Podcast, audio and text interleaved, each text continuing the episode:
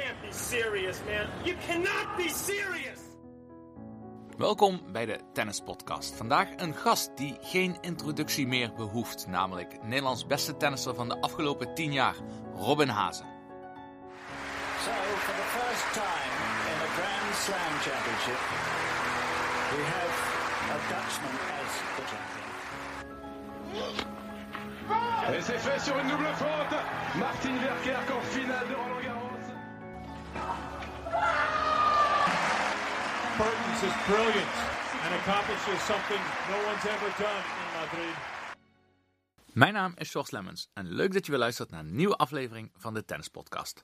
Je hebt iets langer moeten wachten op een nieuwe aflevering dan gebruikelijk. En dat heeft alles te maken met het feit dat ik een nieuw project ben begonnen, waarover later meer na deze uitzending.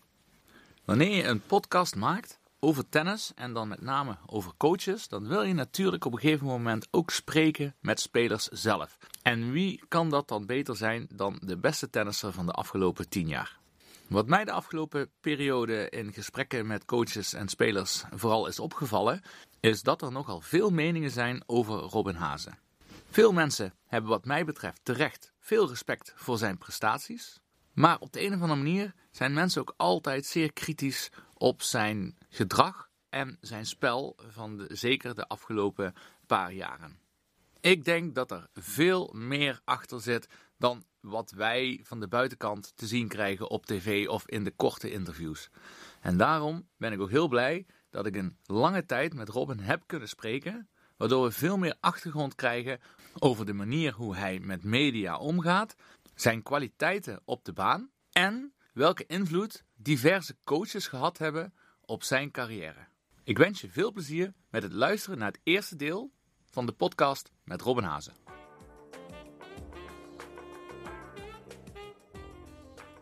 Hey Robin, echt super gaaf uh, dat ik met je mag spreken. Want uh, tot nu toe heb ik alle toptrainers eigenlijk van Nederland gesproken. Dus ik vind het heel gaaf om nu bij de beste tennisser van Nederland uh, te zitten. Mijn dank alvast daarvoor. Geen um, probleem. Ja, het, het, leek een heel rustige periode voor je te worden.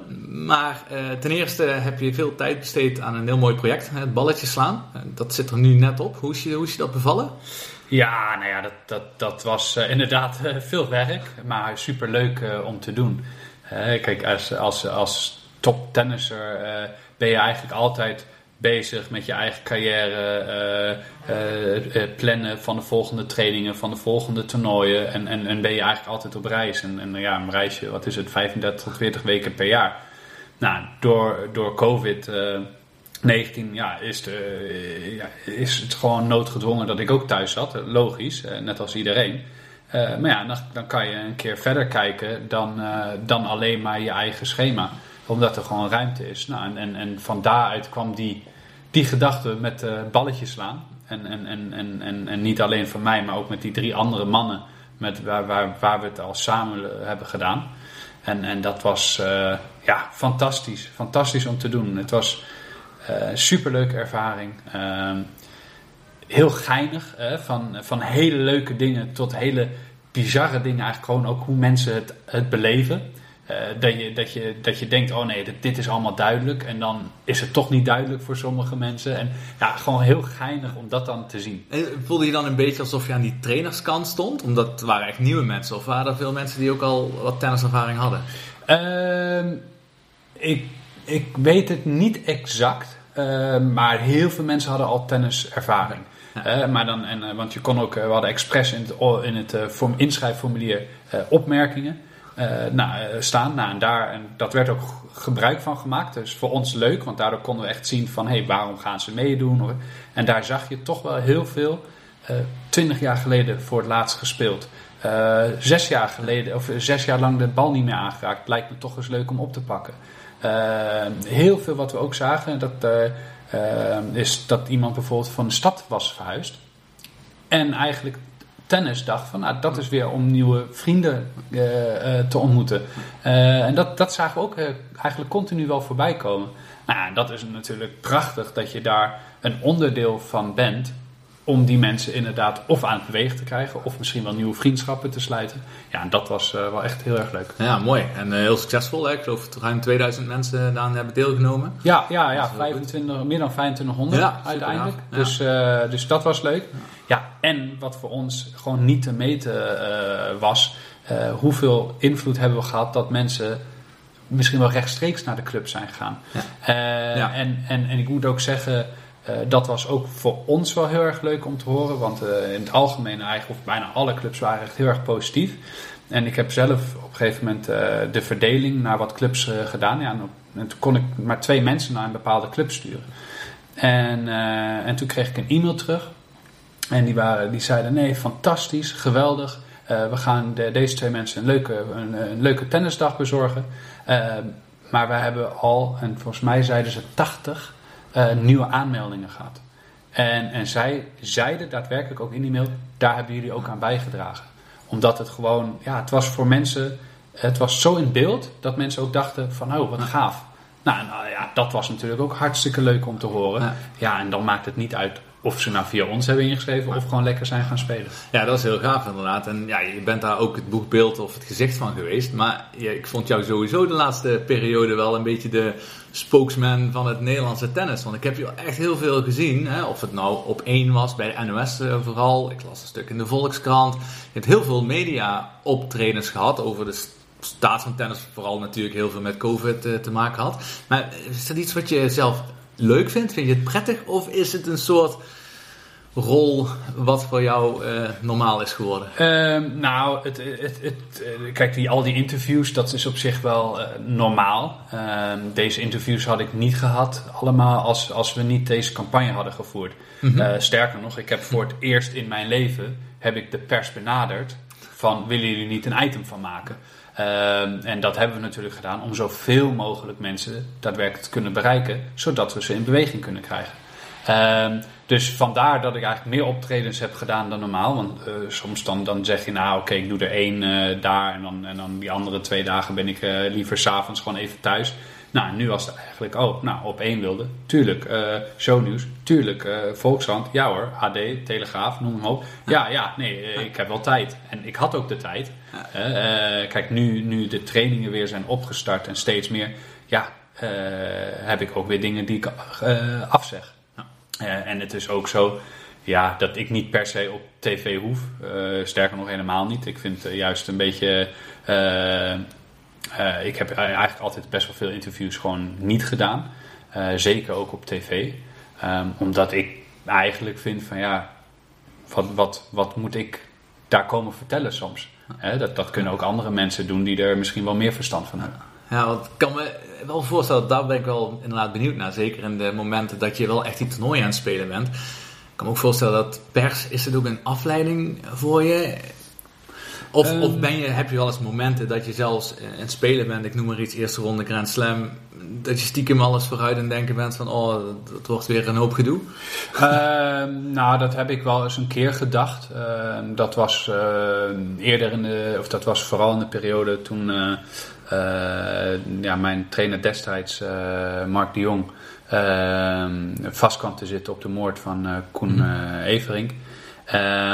Nou, en, en toen, toen had ik wel echt eh, voor de wedstrijd al heel veel stress, eh, heel veel zenuwen. Van oké, wat, wat gaat de pers eh, ervan maken? En dat was vooral aan het begin. Toen ik, ik heb namelijk toen één interview gedaan. En toen gezegd, en dat is het. En, en nou, toen heb ik een twee, drie maanden eigenlijk niks gedaan. Nou ja, en toen was Roland Gros en toen moest ik wel. Dus daar, daar was best wel spanning. En dan ga je wel... eh, ehm, ehm, ja, ja, niet eens voorbereiden, maar wel van jeetje, ja, eh, hoe, hoe, hoe kijken ze naar mij? En, en terwijl, ja, ik heb er niks mee te maken. Maar dat, dat soort vragen ga je wel opeens stellen, terwijl je dat nog nooit hebt gedaan. Ehm, dus dat was even eh, waar, waar de, eh, de pers zeg maar wel invloed op mij heeft gehad. Ehm, maar verder niet zo. Ehm, kijk, als ik gewoon een wedstrijd speel, speel ik die wedstrijd. Kijk, als, als ik... ja, eh, als ik een keer mijn racket gooi en ik zou denken, oh wat zullen ze schijten, ja, dan, dan ga je ook misschien je racket niet gooien. Maar dan ben je ook alleen maar, dan ben je ook met andere dingen bezig dan daadwerkelijk die wedstrijd spelen. Dus, dus nee, daar heb ik nooit echt uh, problemen mee. Nee, precies. Want ik kan me voorstellen, kijk, toen ik speelde 20 jaar geleden, uh, dan belde mij de lokale krant na iedere wedstrijd en that's it. Maar uh, ja, is het, het is, kan toch wel een invloed zijn. Of denk je ook voor, jij hebt natuurlijk al een lange carrière, dus je bent heel ervaren hierin. Maar als je nieuwe talenten hebt die beginnen door te breken, is het wel iets waar ze rekening mee moeten houden? Voorzichtig zijn met uitspraken of niet zomaar alles accepteren? Wat nou ja, kijk, uh, absoluut. Uh, het is ook niet voor niks dat ik vroeger al op, nou wat is het, op 14-jarige leeftijd uh, trainingsdagen had, waar ook, waar ja. ook pers werd besproken. En hoe, hoe, hoe moet je misschien wel staan? Wat moet je, of wat kan je zeggen? Hoe kan je de controle nemen in een gesprek? Uh, maar ja, uiteindelijk is dat ook niet altijd even makkelijk. De, de ene die voelt zich gewoon comfortabeler ja. voor een camera dan een ander. Uh, ik heb daar op zich nooit problemen mee gehad. Uh, waar, ik, waar ik niet zo goed tegen kon, en dat heb ik moeten leren, is ehm, ik, wilde, ik wilde graag gewoon vertellen hoe zo'n wedstrijd ging. En, en, en, en duidelijk maken wat er speelde. Uh, en wat ik gewoon heb ervaren, is dat ehm, dat het eigenlijk twee dingen ontstonden bij mij. Dat ik heel slecht tegen kon als er hele domme vragen werden gesteld. nou, um, een hele domme moet ik eigenlijk misschien wel zeggen, hele simpele vragen. Maar en, en ik, ik ja, vatte het als ja. dom op. Waardoor ik eigenlijk niet zo leuk reageerde.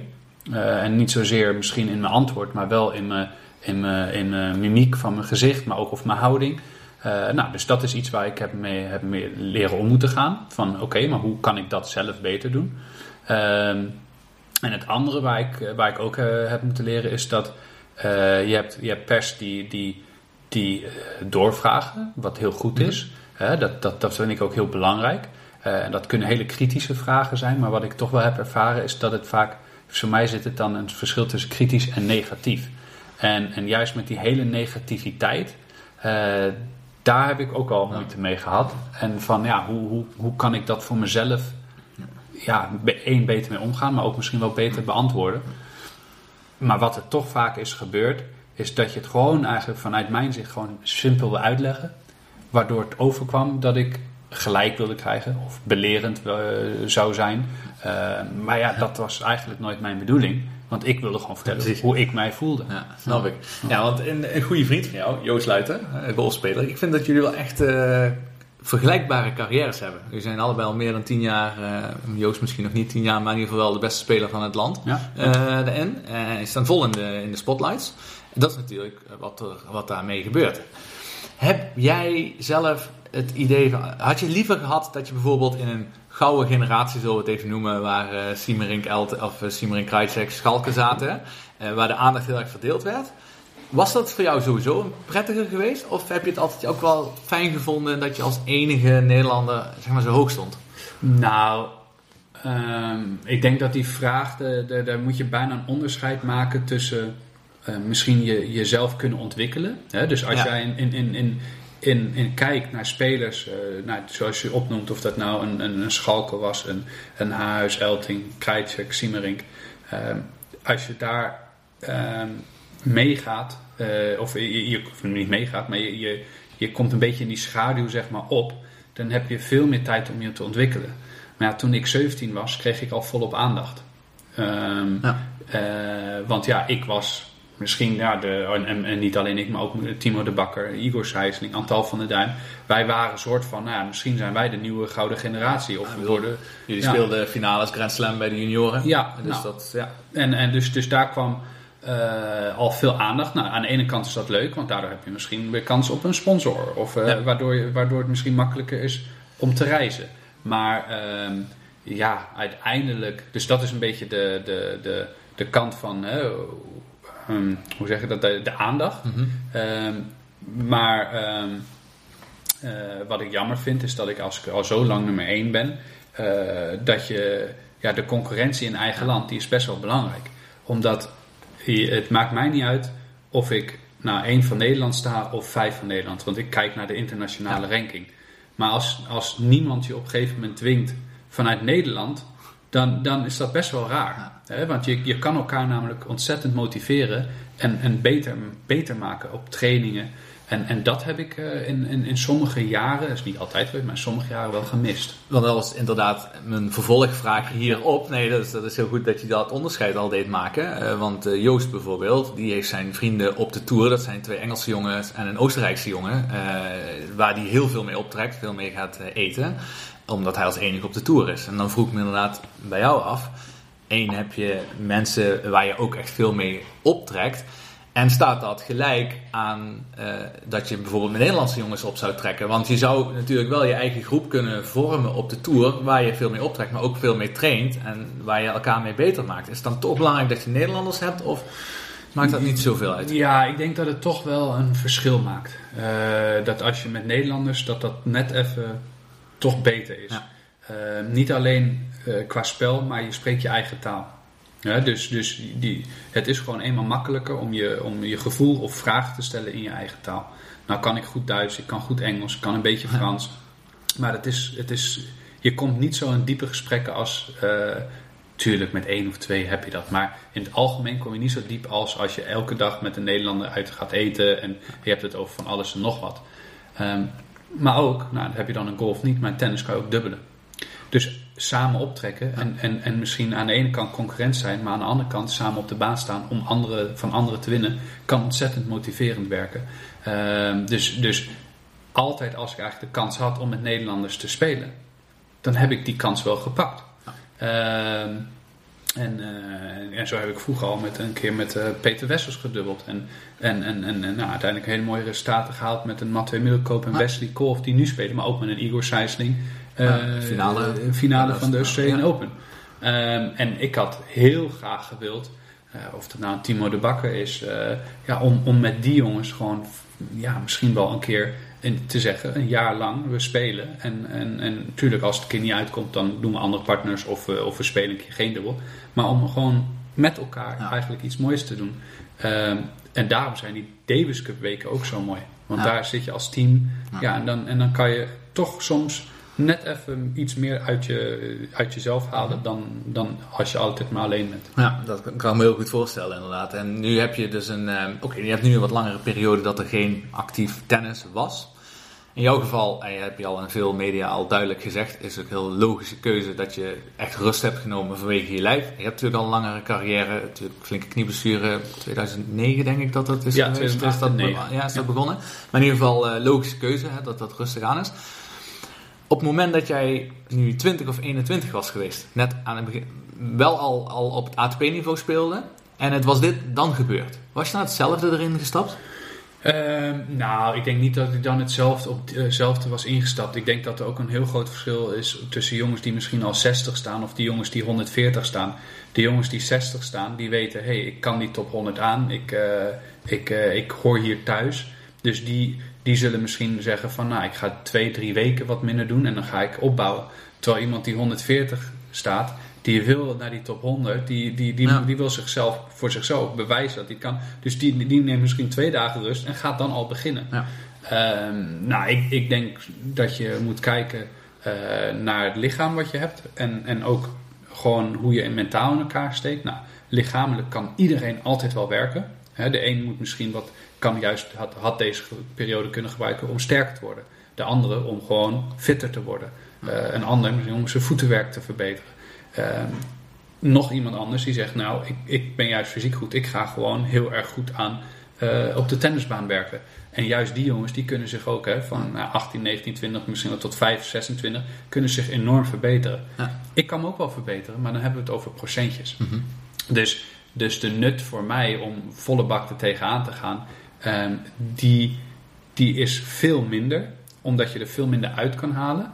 Eh, maar ook juist het proces met de mentale kant, eh, die wordt veel belangrijker. Ja. En als ik nu volle bak door was gegaan, terwijl er helemaal geen doel is, geen wedstrijden, nou, dan, dan, dan denk ik eh, dat ik misschien wel na een maand had gezegd: jongens, ik kap ermee. Ja. Ik ben het zat.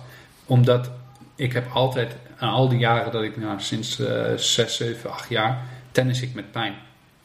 Ehm, maar ja, dat doe je omdat je weet, oh, ik kan weer die grote toernooien en, eh, en, en, gaaf om voor veel mensen te spelen. Maar ja, doe je dat alleen maar op een trainingsbaan, hm, Ja. dan wordt het wel lastig. Ja. Nee, uiteraard. En dan eh, nog één keer, de laatste keer dat ik een beetje het vergelijk maak met een andere sport, is als je eh, met Joost uh, Luiten, een goede vriend van je nogmaals, die maakt nu heel erg mee. Dat is één speler, Bryson DeChambeau, misschien heb je er wel, heb je er wel iets over gelezen of van uh, gehoord. Die heeft deze periode gebruikt. Die man is 20 kilo, uh, kilo bijgekomen, die is mega hard gaan slaan. En dat is wel, dat is nu de speler, die vorige week won die een toernooi. Maar de laatste acht wedstrijden was continu top 7. Ja. En dat is bizar wat daar is gebeurd. Hij heeft echt het spel weer veranderd, opnieuw uitgevonden. Zou dat in tennis ook mogelijk zijn voor iemand? Of is dat te divers, waardoor je niet echt zo specifiek kunt verbeteren? Um. Zou, zou, het, ja, zou het heel gek zijn als, als straks de US Open begint en alles, dat opeens iemand de baan opstapt waarvan we allemaal denken van wat is er gebeurd? Um, nou, dat, dat, dat zou zeker kunnen. Hè? Omdat, okay, wat juist zo moeilijk maakt in tennis, maar eigenlijk ook wel in golf, we spelen continu. En omdat je continu speelt, kan je uh, in bijvoorbeeld in de kracht, nou eenmaal, uh, die periodisering, dat is gewoon ontzettend moeilijk. Kijk, waar een schaatser misschien wel een half jaar de tijd heeft, of een judoka Mhm. die, die een aantal wedstrijden maar per jaar heeft, die kan echt naar, naar toewerken om, om dan te pieken. Nou, dat, dat kan een tennisser niet. Uh, ja, een Roger Ja, ja. Federer en een Nadal die kunnen dat. Ja. Maar, maar die zijn ook een bepaald level waardoor je dat kan. Maar de rest Ja, eigenlijk niet. duidelijk. Ehm, maar dan nog kan het natuurlijk nu wel zijn dat iemand die, ja, die altijd wat fysiek misschien niet helemaal 100% was, nu als een soort beest uit deze eh, COVID uitkomt, eh, dan, dan denk ik niet dat dat zo'n impact heeft, misschien wat in het golfen nu is gebeurd, omdat al die jongens slaan al zo hard. Ja. Eh, ehm, ik zie daar niet opeens een, een, iemand die eh, met 300 km per uur gaat serveren. Weet je, dat, dat gaat gewoon niet gebeuren. Omdat het ook te kosten zou gaan van de rest. Misschien kan niemand het wel doen, Ja. maar dan, dan wordt hij langzamer, dan verliest hij verliest zijn touch. Dus het is veel breder. Ja. Dus het zal niet zo snel gebeuren. Nee, hè? dat denk ik inderdaad. Dat denk ik dat ook, ja. En dan eh, is nog een andere innovatie eigenlijk geweest. Ja, innovatie is een groot woord, maar je ziet de Ultimate Tennis Showdown. Misschien volg je die wel een beetje. Sterker ik heb even niks gezien. Oh nee, ja, ik weet toevallig zag ik het op Eurosport, dat ik ook live beelden zag. Maar ik zag het natuurlijk een beetje op de socials langskomen. Nou ja, het principe is heel simpel, of niet simpel. Het principe is, er worden eh, vier eh, kwarts gespeeld van 10 minuten. Maar dan kunnen kaarten ingezet worden van eh, dat een winnaar opeens drie punten waard is. Of dat, soort, dat soort zaken. Wat is je mening daarover? Denk je, is dat gewoon een beetje spielerij of is dat gewoon leuk dat ze dat nu doen? Of heeft tennis soms ook wel, is er wel eens de vraag naar innovaties in diverse toernooien. Ja, nou ja, kijk, eh, die, die, dat tennis eh, eh, aantrekkelijker moet voor het publiek en eventueel wat, wat sneller in sommige gevallen of korter. Daar ben ik het wel mee eens. Ehm, dus dus de, je kan je afvragen, niet sets tot en met zes, maar tot en met vier. Ehm, de juice winnend punt, het, net spelen en doorspelen bij een service, eh, dat soort dingen.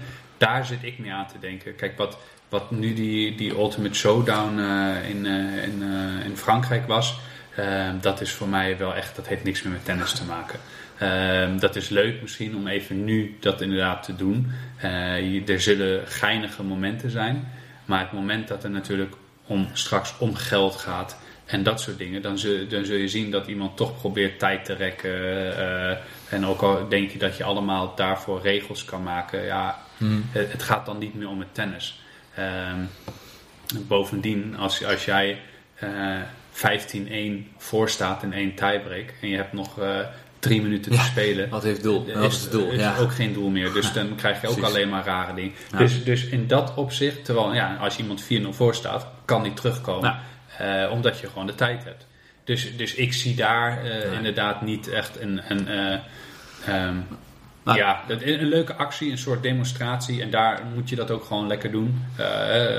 Omdat er juist hele geinige dingen ontstaan. Maar echt serieus eh, neem ik het Nee, niet. maar inderdaad af en toe, zoals zo'n levercup wat erin is, eh, erbij is gekomen, of inderdaad af en toe een andere format, dat zou inderdaad best wel leuk kunnen zijn. Ja, dat zou leuk kunnen zijn. En, en, en juist ook die, die nou, je noemt nu zo die Lever Cup. Ja, de- dat was geweldig. Dat, Ja. was, eh, dat was gewoon prachtig om te zien. Dat is eigenlijk, nou ja, nu maak ik zelf even de, de, de, de link naar golf, hè, de, de Ryder Cup. Ja, natuurlijk, daar is het van afgeleid. is ja. het, ja, is het eigenlijk inderdaad eh, van afgeleid. Dus, dus dat is gewoon hartstikke leuk eh, om zoiets te, te, te zien. Eh, te, je, je voelt je er ook echt helemaal bij betrokken. Het is eigenlijk een soort, van ja, EK. Hè. Je, wil, je Ja. wil het ook zien. Je bent voor dat team en, eh, ja, en er gebeurt van alles. En alleen dat zijn toch wel hele serieuze wedstrijden. met een net iets andere format. Maar dat format kennen we wel al aan tennis. Want het is hè, de twee sets eh, uitspelen en dan een super tiebreak. Dat zien we in de dubbel Ja. al, nou, Natuurlijk, al elf jaar of zoiets. Ja, klopt. Dus, dus in dat opzicht eh, is het niet eens zo heel vernieuwend. Maar gewoon de, wel die drie dagen tennis en het puntensysteem van gewonnen wedstrijden, dat weer wel. Ja, wat ze, hoe ze in ieder geval goed hebben ingezet, is dat vanaf de eerste editie lieten ze in ieder geval lijken alsof het echt heel belangrijk was. En of ze er echt allemaal voor gingen. Ja. En dat is wel heel belangrijk, dat het niet eh, tien jaar tijd nodig heeft voordat het enige waarde krijgt. Maar is het ook, denk je, was het ook een beetje spel in het begin, omdat dat wel een, eh, een pijler was dat het wel echt moest zijn? Of, of gaan die Ehm. jongens echt meteen eh, zo erin dat, ze, dat het heel belangrijk is? Nou, ik denk, ik denk dat dat absoluut niet gespeeld is. Ja. Ehm, dit, dat heeft dan niet zozeer met geld te maken of een titel te maken, maar gewoon ook met prestige, ego ja. en prestige. Ja. Je, je wil gewoon met elkaar, hè, daar, daarom is die Davis Cup ook zo mee, met elkaar wil je van het andere team winnen. En die gaat gewoon door het vuur. En, en, en ja, nu hebben ze dan Europa eh, eh, tegen de rest gedaan.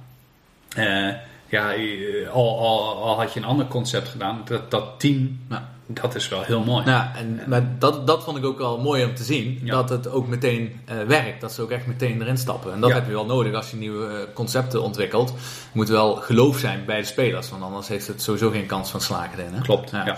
Nou, even eh, een hele tijd terug. Dat is voordat we ter sprake was over concepten. Ben ik vooral benieuwd even het begin van jouw carrière. Want dat is 2006, was je eerste profjaar.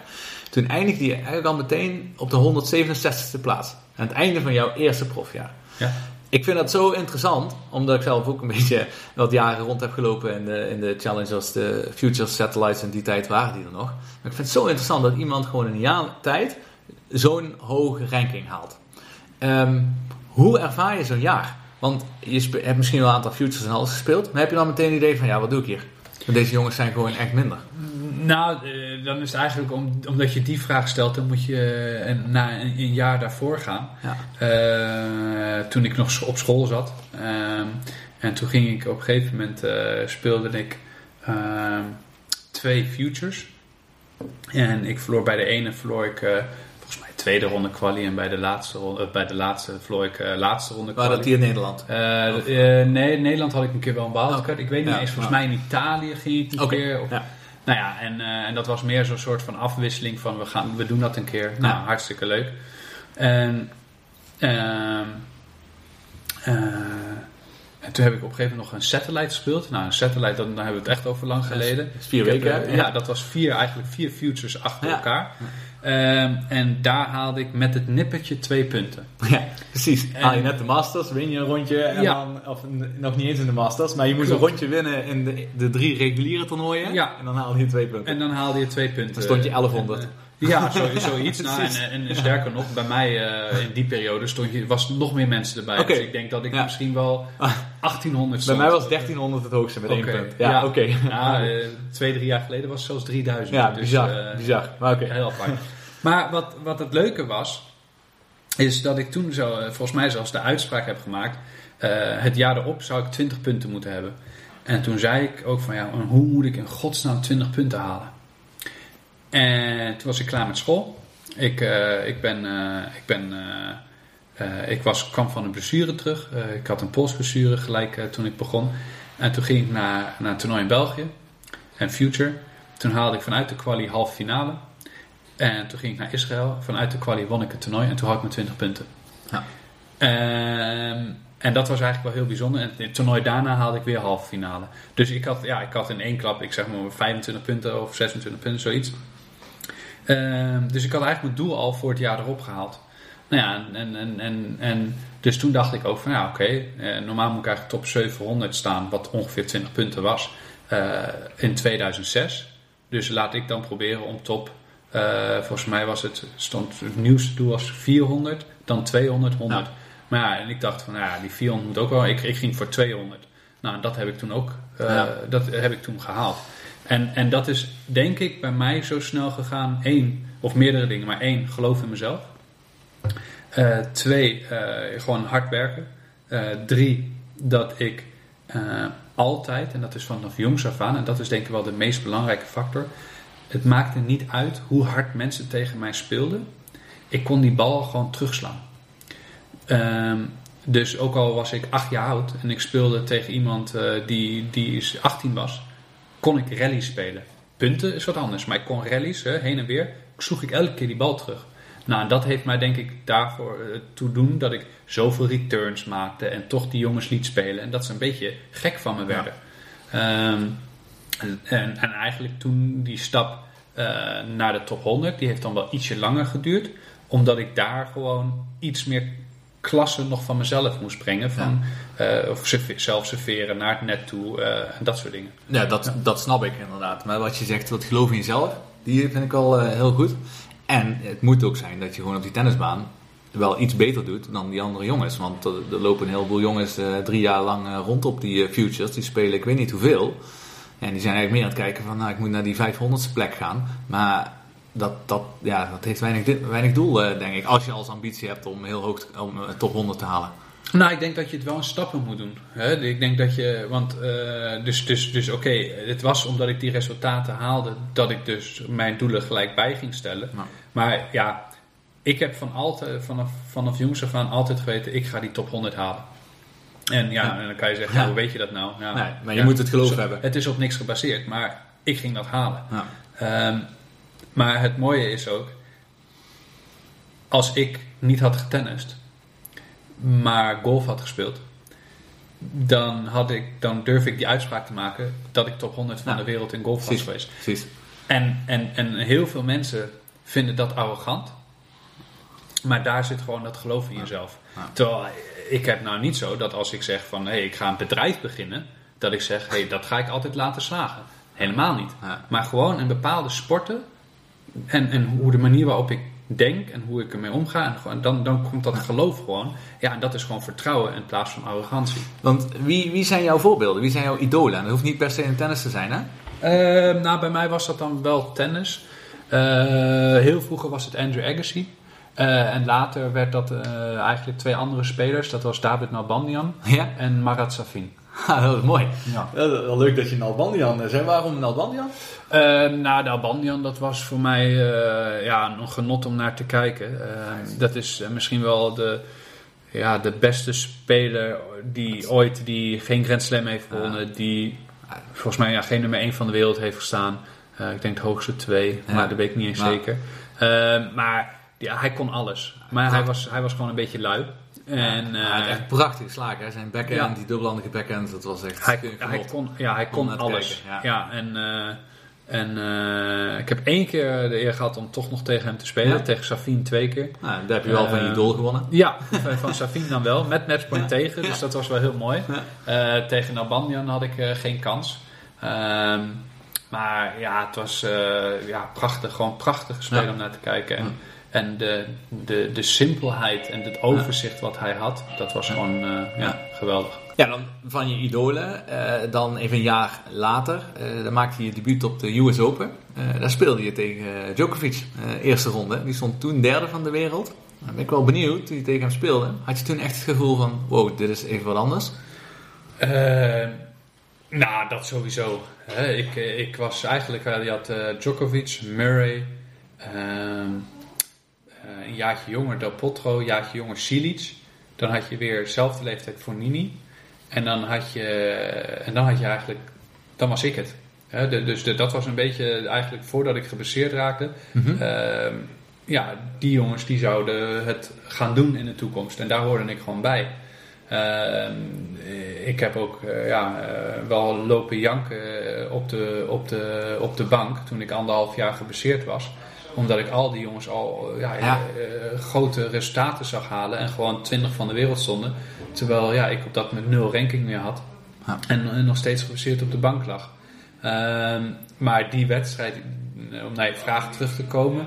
eh, die wedstrijd, dat was wel een beetje een wedstrijd van... ja, wat doe ik hier? Eh, ik, no chance dat ik, eh, dat ik ook maar een set ga winnen. Eh, en dat was op dat moment wel voor mij echt een andere league. Eh, maar ja, dat bleek ook wel eigenlijk voor iedereen eh, op dat moment. Want ja, als die jongens eh, op dat moment eh, wonnen ze ook al de, de, de, de Grand Slams met z'n allen. De Nadal, Federer en Djokovic. Maar motiveerde je het wel daarna? En je denkt van, nou, nu moet ik, ga ik nog harder werken of hier wil ik naartoe? Het kan ook demotiveren als je denkt van, wow. Nee, allebei niet. Ehm, eigenlijk ging gewoon weer door. Van, eh, ja, nee, van eh, oké, maar ik ben op de goede weg. En ik heb voor het eerst van het top 10 spelen twee weken daarvoor gewonnen. Want ik, of drie weken daarvoor van Berdig. Ik kwam voor het eerst de top 100 binnen. Dus eh, eh, ja, ik was wel een van de nieuwe. eh, of van de nieuwe generatie. Maar ja, ik was natuurlijk niet zo goed zoals hij al was. En daar, maar ik heb altijd geloofd, daar ga ik wel naartoe. Ehm, nou ja, en ook na mijn blessure was die geloof er ook nog. Want ja, toen ben ik van 0 naar 67 gegaan, volgens mij. Dat was ook ja, uniek. En het jaar erop ging eigenlijk ook nog goed. Want toen haalde ik van al die eigenlijk stond ik iets van 50. Maar ik, ik, ehm, ik speelde alleen maar grote toernooien. Dus ik had echt weer, weer een stap gemaakt. Ja, toen bleef ik een beetje hangen. Eh, en daarna begon ook steeds met mijn knie eh, op te spelen. En dan komt op een gegeven moment ook een twijfel van... ga je het wel eh, halen wat je altijd dacht dat je ging halen? Precies, ja.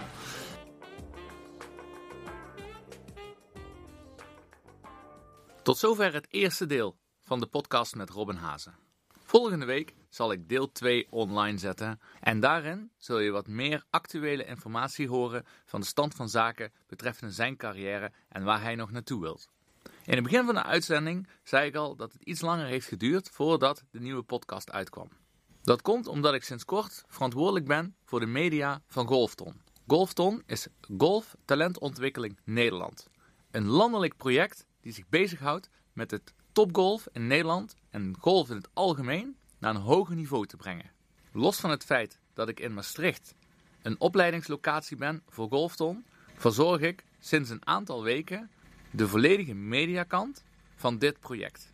Iets wat ontzettend leuk en interessant is om te doen, maar het kost natuurlijk ook meer tijd. Vandaar dat de nieuwe afleveringen van de Tennispodcast wellicht iets langer op zich laten wachten dan je van mij gewend bent. Wil je meer weten over talentontwikkeling? Kijk dan ook eens op golfton.nl en daar kun je alle info vinden. Tot zover bedankt voor het luisteren naar deze aflevering. Volgende week zie je vanzelf het tweede deel online komen met Robin Hazen. Hoi!